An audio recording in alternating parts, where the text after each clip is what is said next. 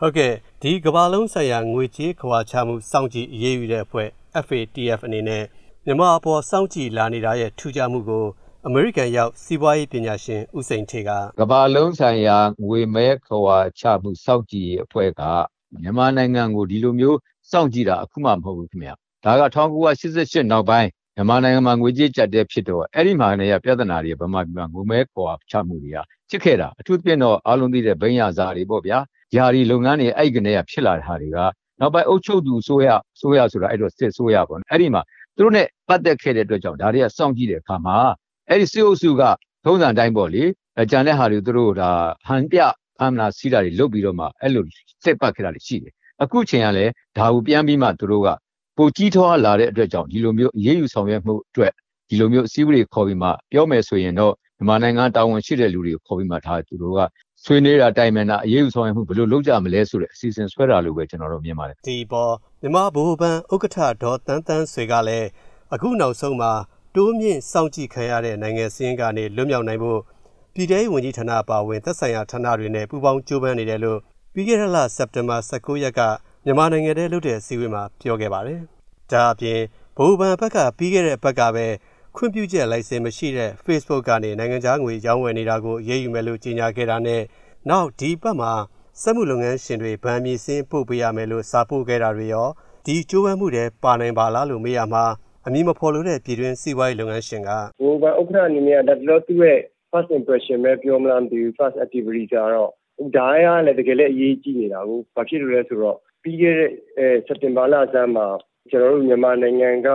ပုဂ္ဂလိကဘဏ်ကိုခုကို FATF စစ်ဆေးရဆိုတဲ့သတင်းကလည်းထွက်လာတယ်လေနောက်ဗမာပြည်ကိုလက်ရှိစောင့်ကြည့်တဲ့နိုင်ငံ list ထဲမှာထည့်ထားတာကိုလည်းသူဖယ်ထုတ်ဖို့ကြိုးစားရမှာဟုတ်။ဘာဖြစ်လို့လဲဆိုတော့အခုလက်ရှိအစည်းအဝေးကနေပြီးတော့စောင့်ကြည့်စင်းကနေပြီးအဲ့စင်းနဲ့တာ black list ထဲတာထည့်လိုက်မယ်ဆိုရင်တော့ကျွန်တော်တို့တိုင်းပြည်ရဲ့စီးပွားရေးကသွားပြီပေါ့ဗျာ။ဘာဖြစ်လို့လဲဆိုကမ္ဘာမှာအဓိကတိုင်းပြည်ကနှစ်ခုပဲရှိသေးတာဟုတ်အဲ့ black list ထဲမှာလေ။မြောက်ကိုရီးယားနဲ့အီရန်ပဲရှိသေးတယ်ဆိုတော့နောက်ပိုင်းတကယ်လည်းမတော်တဆတာ black list ထဲပါသွားခဲ့မယ်ဆိုရင်တော့ ကျွန်တော်တို့တိုင်းပြည်စီးပွားရေးငွေလဲတဲ့နှုန်းတို့ဒီပစ္စည်းဝယ် money transaction တွေအားလုံးကအကုန်ရပ်သွားတော့မှာဟုတ်ဆိုတော့နောက်ဆက်တွဲကတော့တော်ကြီးကိုစိုးရတဲ့အကျိုးဆက်တွေခြုံလာမယ်ဆိုတော့ဘိုးဘိုင်ဥက္ကဋ္ဌအနေနဲ့အဲ့ဒါကိုပယ်ဖြစ်နိုင်ကိုအတက်နိုင်ကိုစူးစမ်းဟန်တူပါတယ်အဲ့ဒါကြောင့်မို့လို့ခဏဘိုးဘိုင်အနေနဲ့အရေးကြီးတဲ့အဲဒီကြေညာချက်နှစ်ခုထုတ်လိုက်ဟန်တူပါတယ်ဒါပေမဲ့ကျွန်တော်ထင်တာတော့လက်ရှိ FATF ရဲ့သူရွေချက်နဲ့တိုက်ရိုက်တက်ရောက်မှုမရှိနိုင်ဘူးလို့ယူဆမိတာပဲဗျအဲ့ဒီတော့ FATF ရဲ့ဒီတစ်ခေါက်အဓိကရွေချက်ကဘာဖြစ်နိုင်ပါလဲလို့မေးရမှာ အမျိုးဖော်လို့တဲ့ပြည်တွင်းလုပ်ငန်းရှင်ကပဲအခုကျွန်တော်တို့ FATF ကလည်းလက်ရှိဥက္ကဋ္ဌကတော့စင်ကာပူကဖြစ်နေတော့စင်ကာပူရဲ့လက်ရှိအဲဒီ finance နဲ့ပတ်သက်ပြီးတော့ဩဇာကြီးတဲ့မဂ္ဂဇင်းကရေးတာတော့လက်ရှိစီမံခန့်ခွဲလူတွေရဲ့အာဏာရှိတဲ့လူတွေရဲ့ငွေမဲတွေကိုဖော်ထုတ်ချင်တာတို့နောက်ပြီးတော့ကျွန်တော်တို့အခုနယ်စပ်ဒေသတွေမှာရွှေကုတ်ကိုဘာကက်စီနိုတွေရဲ့လက်ရှိ money laundering ကိစ္စတို့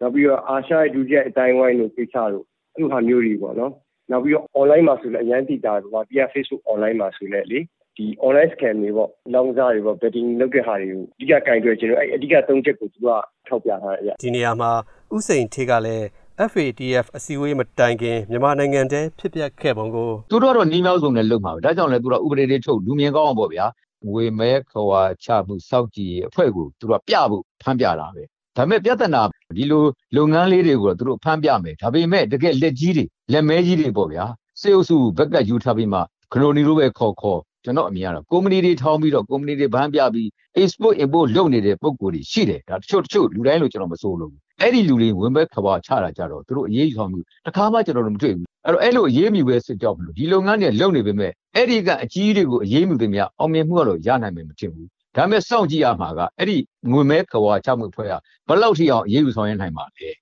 ခုဆိုပိုးဆိုတာပေါ့နော်လက်နဲ့ပွဲစားတွေရုရှားဝယ်တယ်အရင်တော့ကတော့နိုင်ငံတော်ဘဏ္ဍာကတရားဝင်ရတယ်ပေါ့ဗျာအခုနိုင်ငံတော်ဘဏ္ဍာလည်းနည်းနေပြီတရားဝင်ရရင်အဲ့လိုလက်နဲ့ဝယ်တာစအဲ့ဒီကရှားပါနေတဲ့ငွေမဲခဝါချတဲ့ဟာကိုလုပ်ဖို့အတွက်အားပြုလာတယ်မှာဒါကြောင့်လဲအခုနအပြည်ပြည်ဆိုင်ရာအဖွဲ့အစည်းကသူတို့ကိုတွေ့ဆုံဆွေးနွေးပြီးမှဒါနီလန်းရှာပြီးတော့ရေးယူဆောင်ရွက်မှုလုပ်ဖို့လို့မြင်ပါတယ်တစ်ချိန်တည်းမှာဒီနေ့အောက်တိုဘာ21ရက်မှာအဆုံးသတ်မဲ့ FATF အစည်းအဝေးမှာ မြန်မာနိုင်ငံကိုအရေးမယူဘဲစောင့်ကြည့်ကာလ6လသမုတ်တစ်နှစ်သက်တမ်းတိုးပေးဖို့ညှိနှိုင်းတာတွေရှိနိုင်တယ်လို့လည်းသုံးသပ်သူတွေကဆိုပါတယ်ခင်ဗျ